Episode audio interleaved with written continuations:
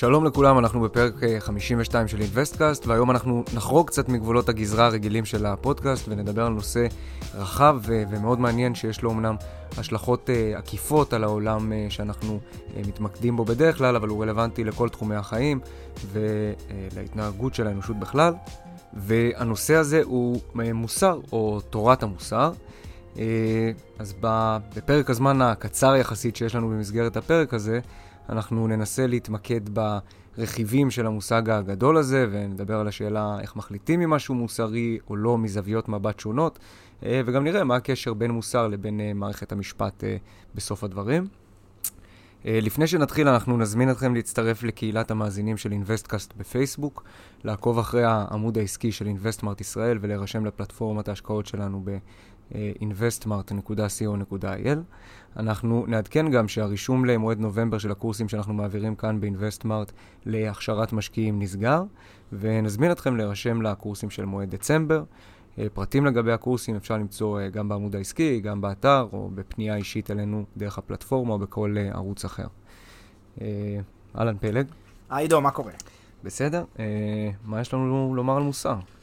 יש לנו הרבה דברים לומר על מוסר, ולמעשה אחד הדברים היפים בפודקאסט הזה, שאתה יודע, זה כמו עבירת אתנחתא כזאת שאנחנו עושים בימי חמישי, אה, גם uh, טיפה לשתף uh, הגיגים ותובנות שלנו מעולם ההשקעות, הנדל"ן, הכלכלה והמימון הרגילים, וגם קצת לפעמים לדבר על דברים שהם טיפה יותר מקיפים.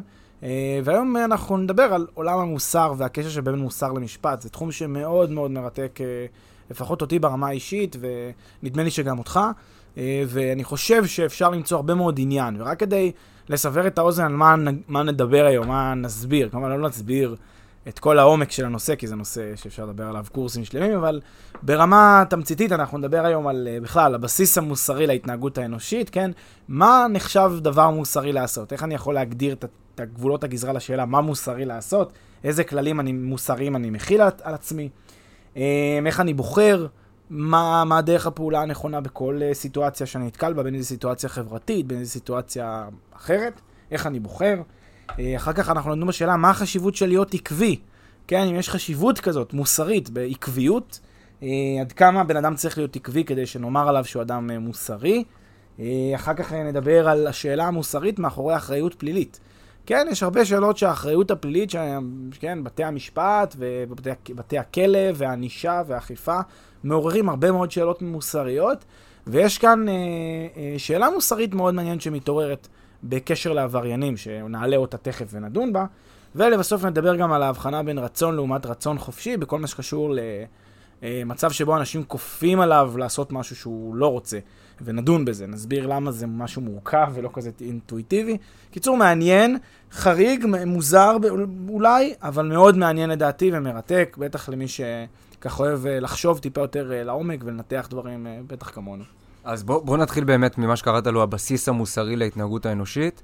למה אתה מתכוון כשאתה אומר uh, הבסיס המוסרי, ו- ומה, uh, ואיך בוחנים את זה בכלל? בדיוק, אז השאלה שאני שואל את עצמי ב- ב- בשאל, בבסיס המוסרי להתנהגות הש- האנושית, זה איך אני אמור לחיות את החיים שלי מבחינה מוסרית. מה אני צריך לעשות כדי לפעול נכון? מה נכון ומה שגוי?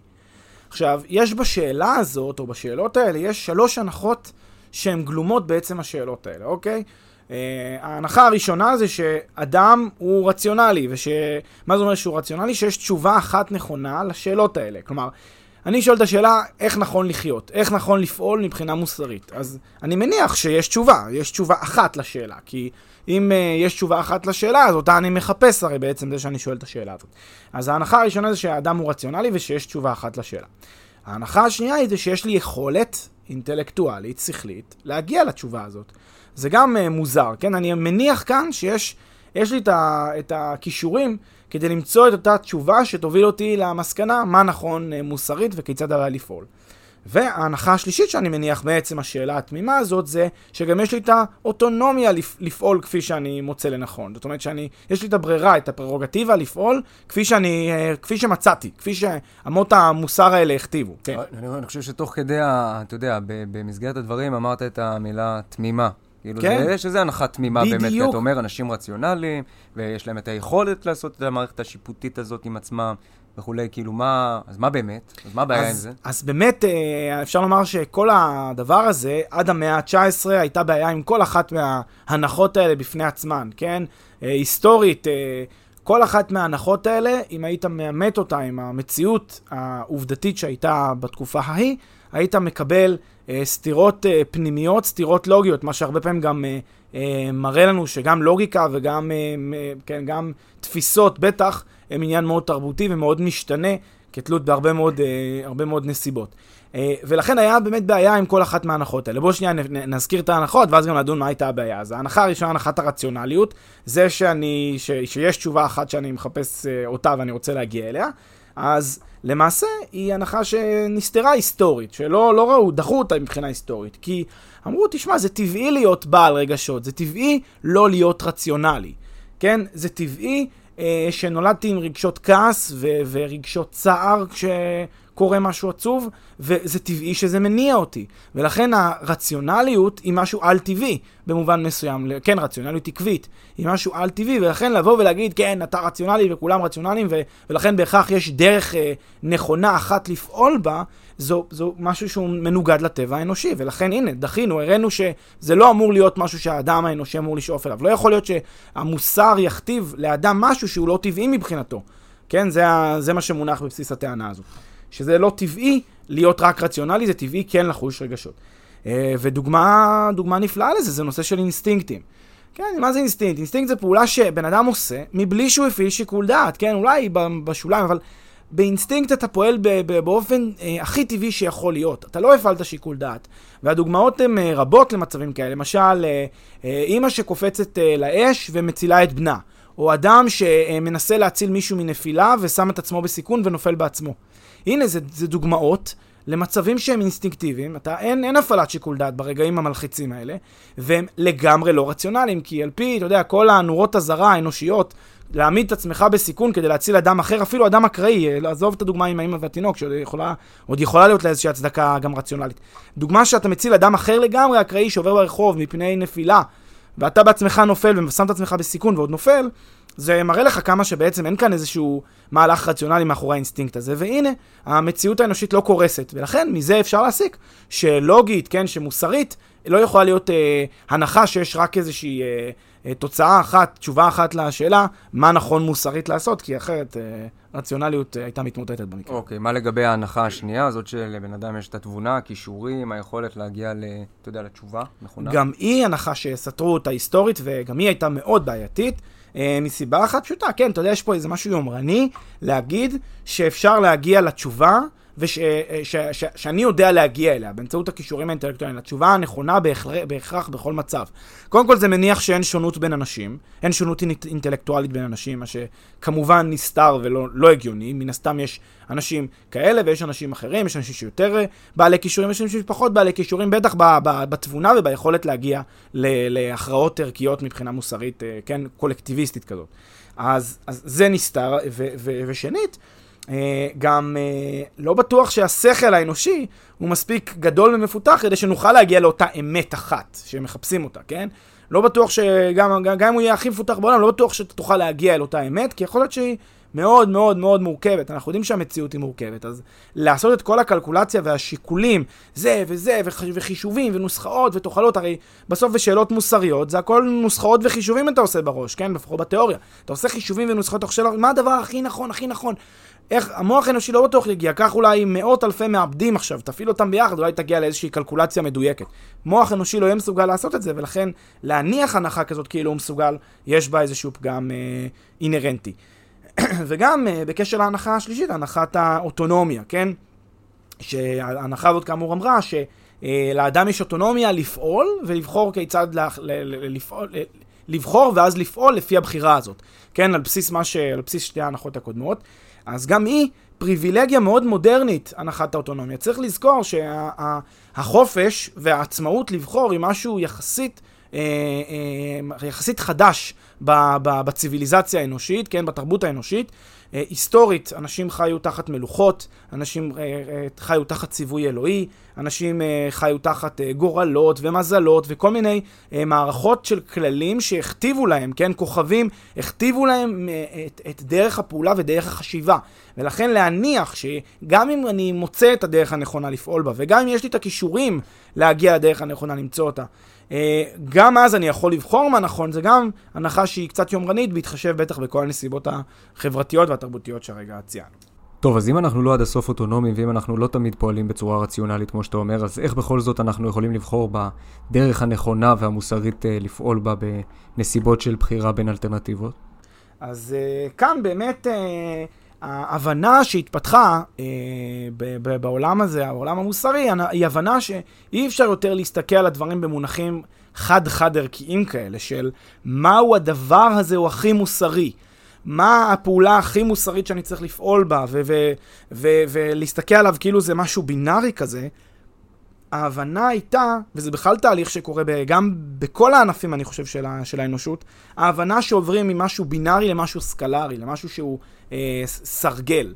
אה, סרגל של ערכים, ולא ערך מסוים שבו אני מתמקד. וכשאני בודק את זה מבחינת אה, סרגל של ערכים, אז יש לי מעין מידה, ועכשיו יש לי כל מיני עזרים, מבחנים, שאני יכול להפעיל אותם, ועל בסיס המבחנים האלה להחליט בדיוק איזה חלופה היא החלופה האידיאלית, איזה חלופה היא החלופה היותר מתאימה לכל אה, תרחיש שאני נתקל בו. עכשיו, יש כמה מבחנים שהתפתחו, כן, ואתה יכול, אה, בוא, בוא נמנה אותם, ואתה יכול גם להבין אותם. כשאתה, אני חושב שאינטואיטיבית, אה, רובנו היינו חושבים עליהם גם בעצמנו, ודווקא ההמשגה הזאת עושה הרבה שכל. אז המבחן הראשון זה מבחן התועלת החברתית, כן? מבין האפשרויות שאני אה, עכשיו צריך להחליט ביניהם, אולי אני צריך לבחור בזו שיוצרת הכי הרבה תועלת חברתית, נותנת הכי הרבה רווחה לחברה כולה, לקהילה, כן? המבחן השני זה מבחן האינטרס האישי, הוא בערך, הוא לפעמים מתנגש עם מבחן התועלת החברתית, ולפעמים הוא משתלב איתה, אבל, אה, אבל לפחות הוא שונה ממנה. באיזה מובן? פה אני לא מסתכל על הקהילה ועל החברה, פה אני מסתכל על עצמי. ואני אומר, מה ממקסם את האינטרס האישי שלי? וזה ה, הדבר, ה, וה, והבחירה שנמצאת הכי בצד הזה של הסרגל מבחינת האינטרס האישי, אז זאת הבחירה האידיאלית אה, שאני צריך לבחור בה. זה הדבר הכי מוסרי לעשות. המבחן השלישי זה מבחן המחויבות. שלמישהו או למשהו, אם יש לי איזושהי מחויבות כלפי מישהו או כלפי איזשהו אה, גורם כלשהו, אז אה, אני יכול לקבוע שככל שיש לי יותר מחויבות אליו, ככה יותר מוסרי עבורי לפעול. אה, כן, אני יוצר, מכפיף את עצמי לאיזושהי מחויבות, ואז אני גם מתמודד עם אותו, אתה יודע, ציווי אלוהי וציוויים אחרים ש, שמכתיבים לי את הדרך פעולה אה, המוסרית מבחינתי. אה, מבחן רביעי זה מבחן האיסורים, אני יכול בדיוק כמו ההפך ממחויבות, להגיד מה אני בוודאות לא מחויב לו, מה אסור לי לציית לו. למשל, אה, לפגוע באדם אחר, למשל, לעשות נזק לאדם אחר. אלה דברים שאני אומר, הם מבחינתי, אני מחריג אותם מכל סרגל, זה, זה איסור, אני לא, לא בודק אותם אפילו. אה, ויש עוד מבחן שגם הוא מאוד מעניין, זה מבחן שינוי המציאות. וזה כאילו מבחן של אני אורח מהצד בתרחיש הזה שלפניי. ואם הייתי אורח מהצד ולא הייתי מעורב בתהליך, אז... אה, ככה הדברים היו קורים. ואז אני לא רוצה לשים את עצמי בתור מי שמשנה את המציאות, אוקיי? זה בעצם הרעיון של הסרגל ערכים הזה. אז אולי זה לא בדיוק סרגל אחד שצריך לבחור בו, אולי אנחנו בכלל מדברים על מין מערכת צירים מאוד מורכבת כזאת, שאנחנו בסך הכל מנסים למצוא איזו נקודת השקה מאוזנת ביניהם. אה, כן, מנסים למצוא את אה, נקודת הממשק האופטימלית. בהחלט, יש אה, אפשרות לשלב בין הסרגלים ולבחור את מה שנותן הכי טוב מכל הסרגלים האלה גם יחד. תכף נדבר על עקביות וחשיבות העקביות, ונראה האם באמת יש משהו מוסרי בלהיות עקבי, ואז להיצמד לסרגל אחד. אז תכף נגיע לזה, אבל בהחלט יש אפשרות לשלב בין הסרגלים. אבל רק כדי להמחיש את המבחנים האלה ואת הסרגל הזה, ניתן דוגמה מאוד מפורסמת בעולם המוסר, וזו דוגמת הרכבת. אה, אז יש לנו רכבת דוהרת, והיא אה, נעה על מסילה. והיא מתקרבת לקצה, לקצה של איזשהו אה, הר, שיש עליו לכאורה גשר שאמור לקחת את הרכבת אל מעבר לצד השני, לגדה השנייה של ההר. ו- או לחלק השני של ההר, שבעצם מעל הגשר הזה יש תהום, מתחת לגשר הזה יש תהום. ומה אה, שלא יודע, ה- ה- כן, נהג הרכבת, הוא לא יודע שהגשר הזה נשבר, ולמעשה עכשיו אם הוא ממשיך לדהור אה, על המסילה, בכיוון שהיא נוסעת, הרכבת נופלת, ועליה כל יושביה, כל עשרות ומאות הנוסעים שעליה, וכמובן, הם לא ישרדו את הנפילה. אני יודע את זה, אני נמצא איפשהו שם על המסילה, קצת לפני החלק שהגשר נשבר. אני רואה את זה, נניח גם יש ערפל כבד, אני רואה את זה. ואני גם יכול, באמצעות אה, לחיצה על מתג גדול כזה, להסיט את הרכבת לנתיב חלופי, למסילה חלופית, ימינה בכלל, באופן כזה שהיא לא אה, נופלת עכשיו אל התהום. רק מה, אני יודע שבמהלך הפנייה של הרכבת, אה, והיא תיסע עכשיו על הנתיב החלופי, יש שם איזה אדם שנמצא על המסילה. הוא לא רואה את הרכבת, הוא לא שומע את הרכבת, הוא לא מצפה שתבוא רכבת, כי הוא יודע שהרכבת ממשיכה למסילה. אה, בכיוון ההוא, הוא לא ציפה שהרכבת תפנה לשם. לכן אני יודע בוודאות, וגם אין לי זמן עכשיו לשנות את המציאות הזאת, אני יודע בוודאות שאני יכול, אחד, להסיט את הרכבת אה, כך שהיא תפנה ימינה, אה, וכך לה, להציל את חייהם של כל האנשים הללו, ובאותה נשימה, לגרום למותו של אותו אדם, או שאני לא מתערב ונותן לרכבת להמשיך בדרכה. עכשיו, הבחירה היא בידי, והנה שאלה מוסרית, כי זו שאלה שכל אחד נסו עכשיו לחשוב איפה שאתם לא נמצאים, אה, כן, אחד אה, בפארק עכשיו בצעידה ואחד אה, מבשל או לא יודע מה.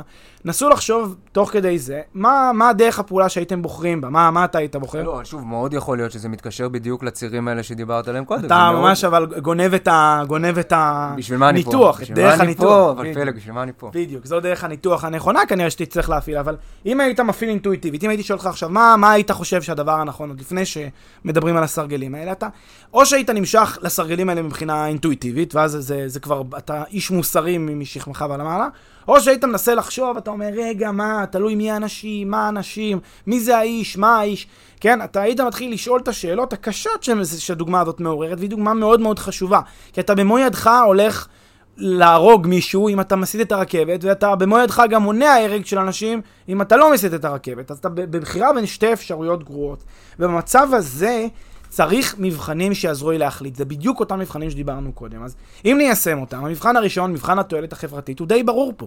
כן, יש הרבה יותר תועלת חברתית במאות אנשים מאשר באדם אחד, עם כל הצער שבדבר, ולכן אולי התועלת החברתית מחייבת אותנו להציל את האנשים האלה, ועל חשבון אותו אדם ש... שיקרה לו מה שיקרה לו. האפשרות השנייה היא אה, המבחן האינטרס האישי. מבחן האינטרס האישי אומר, תשמע, וזה גם מוסרי, זה מוסרי, שימו לב, זה מבחן, זה מבחן וזה סרגל. זה מוסרי לכאורה באותה מידה, אנחנו לא מכריעים בשאלה מה יותר מוסרי. עכשיו, אנחנו אומרים, תבחר סרגל, ותשים את כל האפשרויות על אותו סרגל. גם מבחן האינטרס האישי, יש הרבה, אה, כן, הוגים בתחום המוסר, שאומרים, זה המבחן הכי חשוב לאדם. מבחן האינטרס האישי, שלא יתעסק במבחן של האינטרס החברתי. למה? כי אני צריך לדאוג שסט התמריצים שלו יהיה כזה שיתאים גם לאינטרס החברתי. זה כבר משהו יותר מעמיק. אבל לפחות ברמה, ברמה התיאורטית והפשוטה, צריכים לפעול למבחן שהוא אינטרס אישי, ואז נשים את שתי האפשרויות על סרגל. עכשיו, אם זה המצב, יכול להיות שהאדם שנמצא שם על המסילה, אני מכיר אותו. יכול להיות שהוא יקר לי, יכול להיות שאני צריך אותו, יכול להיות שיש לו, שאני אפיק איזשהו אינטרס ממנו, מאותו אדם, ומאותם אנשים שאני לא מכיר אותם, אני לא אפיק דבר. עכשיו, יכול להיות שזו סיבה מבחינתי אה, לתת לרכבת להמשיך במסעה הקטלני. כי אני, כי האדם הזה חשוב לי והאינטרס האישי שלי חשוב, חשוב יותר מהאינטרס החברתי. זאת תשובה מוסרית בעלת איזושהי אה, נפקות ממשית, כן? אפילו שאולי היא קצת קשה באינטואיציה שלנו. האפשרות הבאה, מבחן המחויבות, היא אה, דומה במובן מסוים למבחן של האינטרס האישי, רק שהיא נובעת ממקום של מחויבות. אולי יש לי מחויבות למשהו. אולי יש איזה ציווי מסוים שאני מחויב לו. אולי אותו בן אדם שעל על, על המסילה שם זה ראש השבט. אולי זה המלך. אולי זה מי שאני צריך להגן עליו, לשמור עליו, ולכן הוא צריך לקבל את הבכורה. שימו לב שזה נשמע למישהו מוזר מה שאמרתי עכשיו, אבל גם בעולם שאנחנו נמצאים בו היום, אה, אנשים שהם, אה, כן, אה, אח"מים, אנשים שהם בעלי חשיבות מדינתית, בעלי חשיבות, כן, נציגים רשמיים של מדינות ודברים, מקבלים הגנה ואבטחה עם אנשים שיעטפו אותם במקרה של אסון.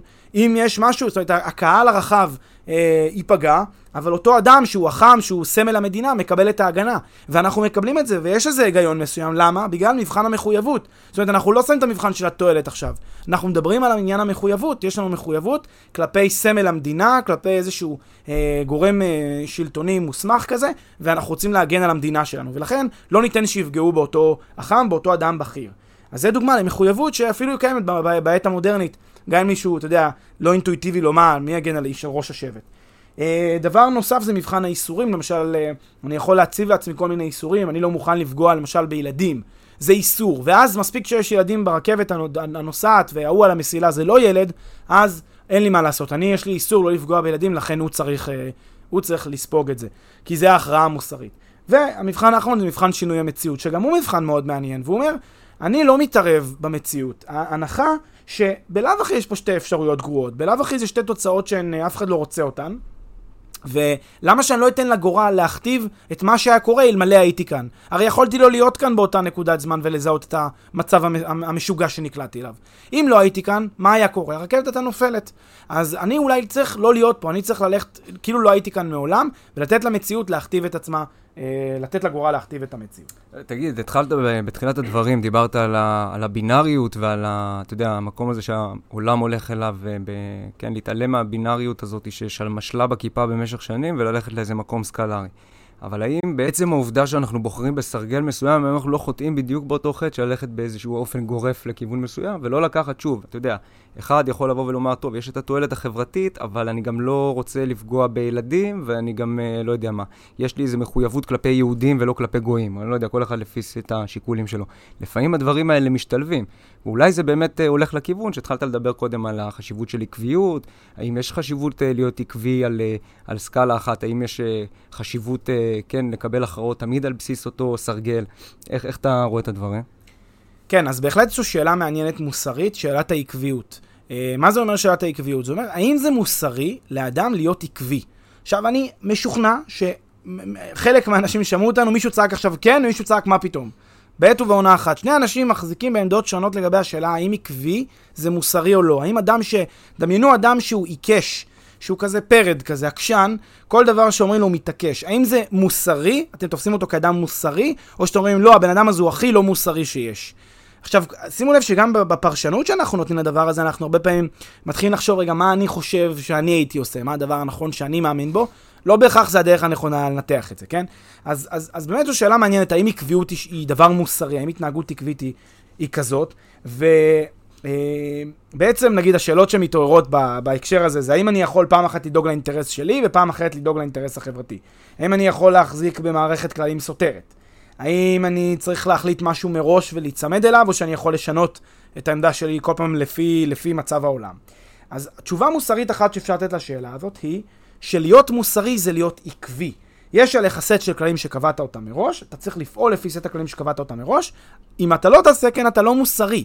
אה, למשל, אדם שמחליט על גורלות של אנשים, כן, אה, תחשוב על uh, מראיין במקום עבודה, תחשוב על uh, בודק בחינות אקדמאיות, תחשוב על אדם שיש לו גורל של אנשים תחת הידיים, תחשוב שזה כאילו משהו חשוב מאוד, לא הדוגמאות שספציפית השתמשתי בהן, משהו באמת חשוב. אז אותו אדם, כשיש לו את הגורלות האלה בעיניים, אפשר להגיד, הוא לא יהיה מוסרי אם הוא לא יפעל בצורה עקבית, אם הוא לא יבחן אותם בסרגל אחד הוגן, או אם הוא לא יתנהג לפי סט קבוע של אמות מידה שהוא בחר אותם מראש. אמ, אז מקל וחומר, אם זה רק בדברים האלמנטים הספציפיים של לבדוק אה, בחינות או למיין אנשים, אם בדבר הספציפי הזה אה, צריך להיות אה, עקבי כדי להיות מוסרי, אז קל וחומר ביומיום, בדברים שהם הרבה יותר חשובים, הרי גורל, אני צריך להיות עקבי, וזה ילמד על המוסריות שלי. אז זו גישה אחת. לא, אבל זה קצת שתי עקביויות שונות. כי פעם אחת אתה יכול לומר, אני עקבי כדי לא לגרום לשורה של אנשים, קבוצה של אנשים, שמתמודדים, אתה יודע, על אותו ציון, או שהציונים הם יחסיים באיזשהו אופן, לבוא ולומר, אני מתייחס לכל אחד בדיוק אה, באותו, על פי אותה, כלומר, אני עקבי ולכן אני מוסרי, זה קצת אחרת מלבוא ולומר, אני בוחר בהתנהלות מסוימת בחיים שלי להתנהל כך, בהתנהלות אחרת, בגלל שינוי של נסיבות. זה לא בדיוק דומה כמו שני תלמידים שנבחנים באותו קורס על אותן שאלות. בוחר להתנהג קצת אחרת, או אפילו ללכת לאיזה סרגל ערכים אחר, לא בהכרח אומר שאני לא עקבי. אני רק אומר שיש איזה שינוי של הנסיבות שמצדיק הסתכלות אחרת על הדברים. כן, יכול להיות שאפשר להציג אה, שינוי של נסיבות, אבל אז אתה יכול להגיד גם אותו בודק אה, של קובע ציונים ומראיין יכול להגיד, זה השתנו הנסיבות. עכשיו התשובה היא פחות טובה, או עכשיו המועמד הוא פחות מתאים והשיחה הייתה פחות קולחת. השתנו הנסיבות, אז אני גם משנה את הסרגל ואת הקריטריון. הכוונה ב- בסרגל ולהיות עקבי עם הסרגל, זה אומר שכשבדיוק כמו שאני מסתכל על, על, על, על סט של אפשרויות מלכתחילה ומעצב אותם, אז ככה אני עושה, כן, אני חושב על סט של אפשרויות לקראת איזה שהן הכרעות חברתיות, הכרעות מוסריות שאני עומד להיתקל בהן, משתמש באותו סרגל שכבר קבעתי ועכשיו אני מיישם, אבל על בסיס אותו סרגל מראש. אמ, וזאת התשובה האחת, התשובה שעקביות שווה מוסריות. התשובה השנייה אומרת, לא, אין שום דבר מוסרי בלהיות עקבי, אה, ולהפך דווקא. אה, בני האדם הם לא כפופים לשום חוק מוסרי במובן הזה, שום חוק גורף. בני אדם הם יצורים תבוניים, כן, לפי הגישה הזאת. כיצורים תבוניים ניחנו באינטליגנציה, ניחנו באינטליגנציה רגשית, ניחנו בשכל, בתבונה, בשיקול דעת. כל הדברים האלה אמורים ללמד אותנו שכיצורים תבוניים אנחנו צריכים לקבל החלטות ערכיות ולשנות את ההחלטות שלנו ללא, לא לפי איזשהו חוק שקבענו לעצמנו או חוק שמישהו אחר קבע לנו. זה המשמעות של אין שום דבר מוסרי בלהיות עקביים, כבר הפוך. אה, ואנחנו צריכים לפעול לפי התבונה שלנו בכל רגע נתון. ואז זה עונה גם על השאלה שלך של מקודם. בעצם אני יכול להיות אה, אה, מוסרי מאוד אם אני משתמש בכמה סרגלים במקביל ואני לא ממש עקבי. אה, כל עוד אה, הפעלתי סרגל, כל עוד עשית, פעלתי לפי אמות מוסר, אתה יודע, כלשהן שכרגע הגדרנו אותן. אז זה לגבי הסוגיה הספציפית הזאת. אה, ועכשיו נתקדם לסוגיה הבאה של אה, הקשר לאחריות פלילית. קדימה. אז באמת זו סוגיה מאוד מאוד מרתקת, והיא מתעוררת בהרבה מאוד שאלות חברתיות, אה, ואני חושב שהדיון הציבורי לא מספיק מעמיק לגביה, לא מספיק אה, מתייחס אליה, כי... אה, ו- וצריך לתת את הזווית הזאת, להשמיע אותה, ולו כדי שהיא תישמע. עכשיו, מאוד חשוב להבין ב- בשאלות של מוסר ו- ו- וערכים, בכל מה שקשור ל- ל- לתפקיד, ה- לתפקיד הדין הפלילי, צריך להבין שיש כאן הרבה יותר מאשר אה, שחור ולבן. אה, וזה הרבה פעמים מעורר הרבה מאוד יצרים אצל אנשים, כי הם רואים את החיים שחור ולבן בהקשרים האלה. הם רואים הכל בצורה נורא חד-גונית, במקום להבין את, מגו... את המגוון של הצבעים שיש כאן על הסקאלה, על הספקטרום. אז בוא נניח שניקח קבוצה מסוימת של עבריינים שהורשעו. כן, עבריינים, אני לא, לא רוצה לציין אפילו את סוגי העבירות הרלוונטיות, כי בכוונה להכליל את זה.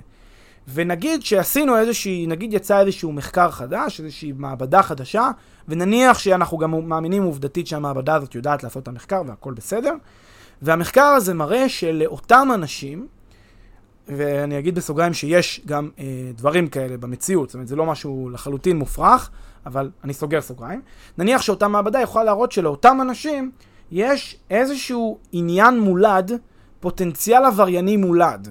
ולא סתם פוטנציאל עברייני מולד, יש להם ממש גן עברייני. גן עברייני ב- ב- ב- ב- במוח. כזה שאפשר להגיד, I can't help it, אני לא יכול אפילו להתגבר עליו, גם אם הייתי מאוד מאוד רוצה. אה, יש לי את הגן העברייני הזה אצלי. עכשיו, אני רק אחזור חזרה לסוגריים שאמרתי קודם, יש דברים כאלה בכל מה שקשור ל- ל- ל- למוח האנושי, יש אה, הרבה מאוד אה, מחקר והרבה מאוד גם הוכחות רפואיות לזה, ממצאים נוירולוגיים של אנשים מסוימים שחוו איזושהי פגיעה מסוימת בילדות, ויש להם איזשהו, אה, איזושהי, אה, איזשהו פגם, פגם נוירולוגי, שאני לא יודע להסביר אותו, כי אני לא מומחה בתחום, אבל הצירוף של הדברים האלה יכול ליצור איזשהו פוטנציאל נפיץ לעבריינות אה, קשה. אגב, אבל... זה לא חייב להיות, אני חושב, שזה פגם נוירולוגי או פגם גנטי מולד, זה יכול להיות פשוט הבדלים בין בני אדם כלליים. נגיד, נשים פחות טסטוסטרון, גברים יותר טסטוסטרון, טסטוסטרון מוביל לאלימות, האם צריך להתייחס באופן שוויוני לשניהם בכל מה שקשור לאחריות פלילית? שאלות מהסוג הזה. כן, אז, אז זה, הדברים האלה, בוא נניח שהייתה, כדי לפשט את זה ולא ניכנס לדיון המחקרי, נניח שבאמת מצאנו שיש אה, אה, קבוצה של אנשים מתוך העבריינים המורשעים, שיש להם את אותו גן עברייני. והם לא יכולים לשלוט על זה. ועכשיו עולה השאלה, במצב כזה, האם מוצדק להטיל עליהם אחריות פלילית? האם מוסרית זה נכון להצדיק עליהם אחריות פלילית? כי אנחנו בדרך כלל מסתכלים על איזשהו כלל ברזל שאנחנו קוראים לו לפעמים, הרבה אנשים מכירים את זה בתור אה, אי שפיות, אי שפיות רגעית, אה, כן, אה, היכולת לקבל החלטה בצורה שפויה. אנחנו מסתכלים על איזשהו מבחן, מבחן רפואי, שאומר, הבן אדם היה שפוי או לא היה שפוי. אבל אנחנו לפעמים לא אומרים, תשמע, יכול להיות שיש משהו, יש איזשהו גן עברייני לאדם מסוים, שגורם לו לפעול כפי שהוא פעל, והוא לא יכול היה לפעול אחרת. הוא פשוט לא יכול היה לפעול. עכשיו, יש כאן טענה עמוקה יותר. הטענה של הצקצוקים, טענת הצקצוקים אפשר לקרוא לה. טענת האלה שאומרים, כן, מה, מה הוא רוצה? זה, זה עבריינים, מה אפשר לעשות? זה עבריינים. העובדה שאני לא נהייתי עבריין. אז הטענה הזאת היא טענה במובן מסוים שאפשר להגיד שהיא פריבילגית. כן, זה כמו להגיד אה, איך הוא התמכר לסיגריות, איך הוא התמכר למעשה מעשה כזה ואיך הוא התמכר למעשה אחר. יש כאן נטייה מסוימת של בן אדם, איך אחד מתמכר אליה ואיך אחר לא מתמכר אליה, אולי בגלל שיש לו יותר נטייה להתמכרות הזאת. אז אותו בן אדם עם גן עברייני, יש לו אולי נטייה להתמכר לעבריינות. בדרך כלל, ותכף אנחנו נסביר למה אנחנו בכל זאת מענישים את העבריינים, על אף העובדה שחלקם, ואנחנו מניחים את זה, לפי ההנחה של החלק הזה בפרק, אנחנו עדיין מענישים אותם, ויש לזה סיבות מצוינות. אבל רק לשים את הזרקור על האפשרות שיכול מאוד להיות ש... באמת, הם לא יכולים אה, אה, לשלוט על זה, וזה פריבילגי מצידנו אפילו לשפוט אותם על זה ולהגיד למה לא יכולתם לשלוט על עצמכם. אז במובן הזה, יש איזה משהו שהוא, אפשר לומר, אה, מאוד מרתק, את, כן, השכל האנושי ולחשוב עליו. אבל למה בכל זאת אנחנו אה, נותנים פה את, ה, את, ה, את הגושפנקה המשפטית ואומרים, יש מעשה פלילי במה שעשית? מכמה סיבות. סיבה ראשונה, זה אנחנו רוצים בסוף להרחיק את האיום מהחברה. מה שעושה אותו אה, אדם שביצע את העבריינות, בין אם הוא שלט על ה... כן, יכל היה לשלוט על זה, בין אם הוא לא יכול היה לשלוט על זה, אנחנו בסוף מרחיקים את האיום הזה מהחברה, כי אנחנו החלטנו כחברה שאנחנו רוצים לחיות בצ... בשלום אחד עם השני, ולא לתת למישהו מאיתנו, אה, כוחני, להפר איזשהו איזון בינינו, אנחנו נעניש אותו על זה. אה, דבר נוסף זה שהענישה, אנחנו מאמינים שהיא בכל זאת משפיעה, גם אם היא בשוליים. זאת אומרת, גם אם הוא באמת יש לו את הגן הזה, יכול להיות שאם הוא יחטוף עונש קשה, אז, אז הוא כן יעשה איזושהי קלקולציה, כן יצליח בשוליים לשלוט על עצמו ולהתגבר על הגן הזה. זה, זה שוב, זה, זה כבר ש, ש, חוזר לשאלה עד כמה זה באמת גן, עד כמה זה באמת אין לו שליטה וכולי, אבל נניח שיש איזושהי שליטה אפילו מינורית. והנימוק האחרון ללמה אנחנו בעצם אה, מכניסים אה, אנשים לכלא, אה, אפילו אם יש להם גן כזה, היא שזה סימן גם לאלה שאין להם את הגן הזה, וזו נקודה חשובה. לענישה יש אפקט הרתעתי למקרים הבאים. אז אנחנו אומרים, אנחנו נעניש את כולם, כן גן, לא גן, אנחנו מענישים את כולם. דע לך, פוט, עבריין פוטנציאלי הבא, שבין אם יש לך את הגן, שאתה לא יודע על זה, ובין אם אין לך את הגן הזה, אתה לא יכול להתנער מעונש אם יהיה לך את הגן. שלא נתמרץ אותך בטעות לעשות מעשים, רק בגלל שיש לך את הגן הזה וכך לצאת חופשי. אבל תראה, תראה דבר מעניין שקרה פה. כשדיברנו ה... בהקשר הספציפי הזה, על השאלה המוסרית מאחורי אחריות פלילית, אז תראה איך באופן אינטואיטיבי כל ההצדקות או כל התשובות הולכות בעצם לסרגל הזה של מבחן התועלת החברתית, כי כל הזמן אנחנו מדברים על מה זה יעשה לחברה, אה, להרחיק את האיום מהחברה, לנסות לחנך את החברה, לנסות להרתיע את החברה, לנסות... זה, ובפעם השנייה, בסרגל הזה שבין, אה, או בבחירה הזאת שבין קונסיסטנטי ללא קונסיסטנטי, אז אה, בוא נגיד, כן, דווקא נוגד את האינטואיציה בהקשר הזה, כי אתה אומר צריך להיות קונסיסטנטי כל הזמן, ולא משנה ולא להתחשב בנסיבות ולא להתחשב בכלום. אז אתה יודע. נקודה מעניינת שקושרת בין, ה... בין הסוגיות שדנו עד עכשיו, באמת יפה. אני חושב ש... אה, האלה, כן, התשובות האלה הן תשובות ש... כן, תמצא בטקסטבוק של דיני עונשין למה, למה ראוי להצדיק, למה ראוי להכניס אנשים לכלא, זה יהיו, זה יהיו הסיבות שלך. אז כנראה שהאינטרס החברתי הוא מה שמכתיב את הדין הפלילי, ויש לזה גם היגיון. אה, וההיגיון הוא שהדין הפלילי הומצא על ידי המתכנן החברתי. הדין הפלילי הומצא כדי אבל, להגן על הקהילה. אבל זה, אבל תראה, תחזור עוד פעם למה שדיברנו קודם. אז יכול להיות שבהקשרים פליליים, מה שצריך, אתה יודע, הציר שצריך לדבוק בו, או לתת לו את הבכורה, זה הציר הזה של האחריות החברתית. יכול להיות שבהקשרים אחרים, ציר אחר אפשר לבוא ולומר, זה הציר הרלוונטי להסתכל עליו כי הוא חשוב יותר, או לפחות לתת לו משקל יותר גדול, כן, בתוך מערכת הצירים הזאת של כל הצירים האלה ונקודת ההשקה שלהם, אה, במקרים אחרים, כי יכול להיות שיש אינטרסים שהם יותר חשובים בהקשרים אחרים, שהם לא, אה, אתה יודע, שהמטרה שלהם היא לא להרחיק מפגע מהחברה או דברים מהסוג הזה. לכן, בהקשרים של קונסיסטנטיות, יכול להיות שלדבוק באופן, אתה יודע, שרירותי באחד הצירים האלה מלכתחילה, זה לא בהכרח הדבר המוסרי לעשות, כן? אבל אני לא יודע, אבל זה באמת, אה, באמת שאלה מעניינת. זו, זו, זו בדיוק הדילמה של הקונסיסטנטיות, שאני חושב שבאמת הדברים מתקשרים וקישרת אותם באמת יפה, אה, וקשה לשים את האצבע על מה הנכון יותר. אני, אה, מה שכן, אני, אני מאוד מזדהה עם הדילמה הזאת, שיש יתרונות לגישת הקונסיסטנטיות, ויש חסרונות לגישת הקונסיסטנטיות, ואת שתיהן ניתן להצדיק באותן להיטות. אה, ואת שתיהן ניתן להסביר באותה עיתות. זה גם אולי אחד הדברים שעומדים מאחורי מחלוקות אידיאולוגיות שיש בחברה. אה, גם לישראלית, גם חברות אחרות, גם לאו דווקא חברות, גם לאו דווקא מחלוקות פוליטיות.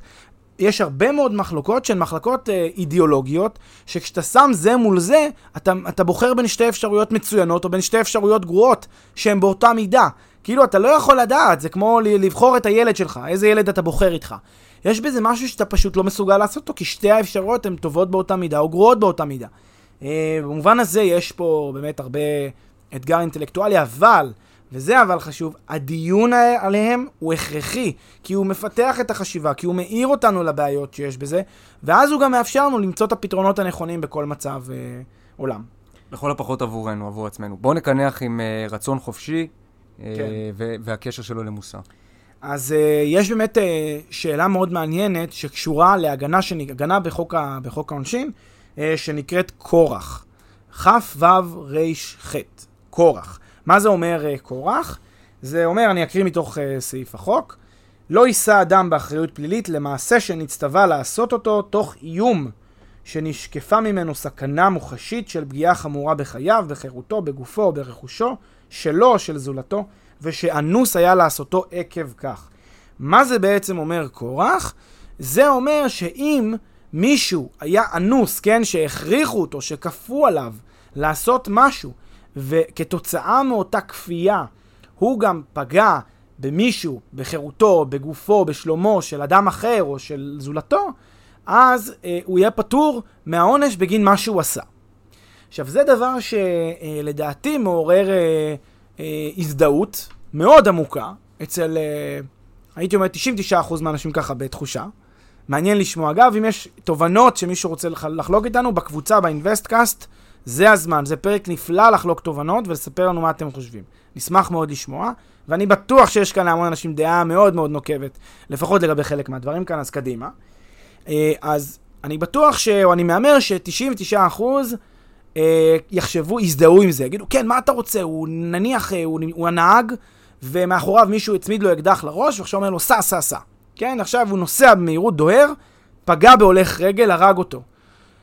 ואחר כך איכשהו ניצל מכל התסבוכת הזאת, ואז מעמידים אותו לדין. ומה הוא אומר? קורח, חבר'ה, מה אתם רוצים? אני פגעתי בהולך רגל, אני מצטער מאוד, אבל היה מישהו עם אקדח שכיוון לראש שלי. אז אינטואיטיבית אנחנו נגיד, מיד כמובן אתה צודק, אתה, היה פה כורח ואין להאשימך בדבר. אבל בואו נחשוב על זה עוד צעד, יותר לעומק, כן? ניקח את זה עוד רובד. האם חייך שלך חשובים יותר מחייו של הולך הרגל? הרי זה הבחירה שאתה עושה. אתה עושה בחירה בין החיים שלך לבין החיים של אותו הולך רגל שפגעת בו, הרי הוא גם אה, קורבן לסיטואציה הזאת. באיזה מובן הוא קורבן? גם עליו מישהו בא ותקף אותו בכוח, מבלי שהוא בחר בזה. אז גם אותך פגעו בכוח, ואתה פשוט החצנת את הפגיעה שהייתה יכולה לקרות לך למישהו אחר, אתה גלגלת אותה הלאה. וזה לא שאתה קורבן כזה גדול, כן, אני בכוונה מקצין כמובן, זה לא שאתה קורבן כזה גדול, אתה בעצמך יש לך איזשהו אשם מסוים לתוצאה שנגרמה, גם אם, כן, גם אם נקבל את העובדה שאתה לא אמור אה, להיתפס כרוצח נתעב. אז אתה אמור אבל לשבת בכלא תקופה. אבל שוב, אם אנחנו חוזרים לצירים האלה שדיברנו עליהם קודם, אז אולי באמת על הציר החברתי, אתה, ב, כן, בשני המקרים אתה איפשהו אקוויוולנטי, כי ב... כן, בתועלת החברתית, איבדנו בן אדם ככה או ככה, בין אם אתה היית מת כי מישהו היה יורה לך בראש כי לא נסעת, ובין אם הרגת מישהו על הכביש. אבל אולי לפי הציר של, ה, כן, של המבחן, האישי. האינטרס האישי, אז זה דווקא הדבר המוסרי לעשות, הוא באמת לדרוס מישהו אחר, ולא אה, לתת אה, לבחור שמאיים עליך עם אקדח לרקה. אז זה גם כן, אה, כן, שאלה. לפי, לפי הסרגלים אנחנו יכולים לקבל פה הרבה תשובות מעניינות, אבל מעניין ההבחנה פה גם בין הרצון לבין הרצון החופשי.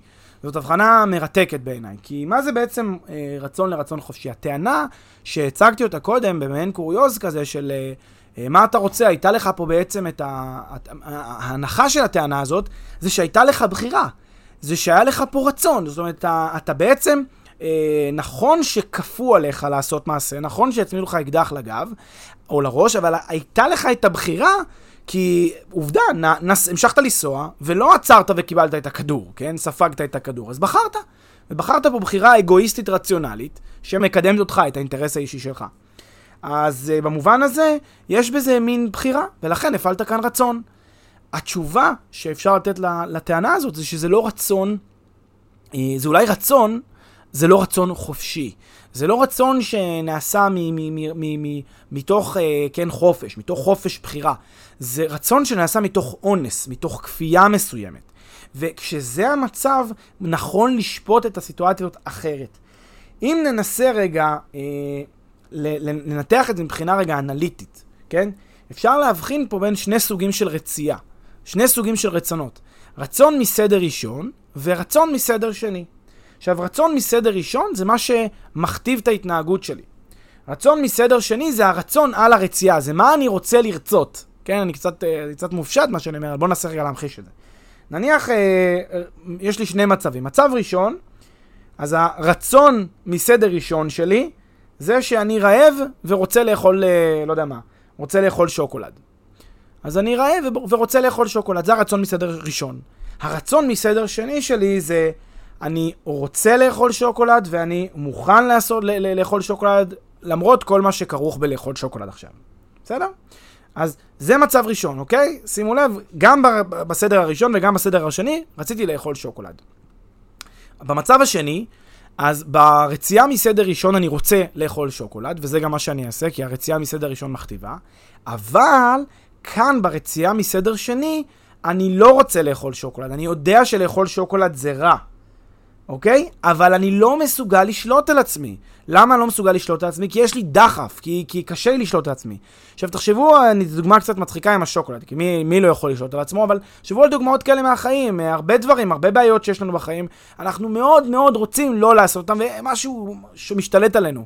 כמו איזה רוח רעה משתלט עלינו ומשפיעה עלינו לרעה לעשות משהו שאנחנו לא רוצים אותו באמת. ואז במצב כזה, אפשר לומר ככה, הרצייה מסדר ראשון היא זאת שהכתיבה את ההתנהגות שלנו. פעלנו לפיה כי הרצייה מסדר ראשון היא יותר קרובה לראש, למוח. אבל הרצייה מסדר שני היא החשובה.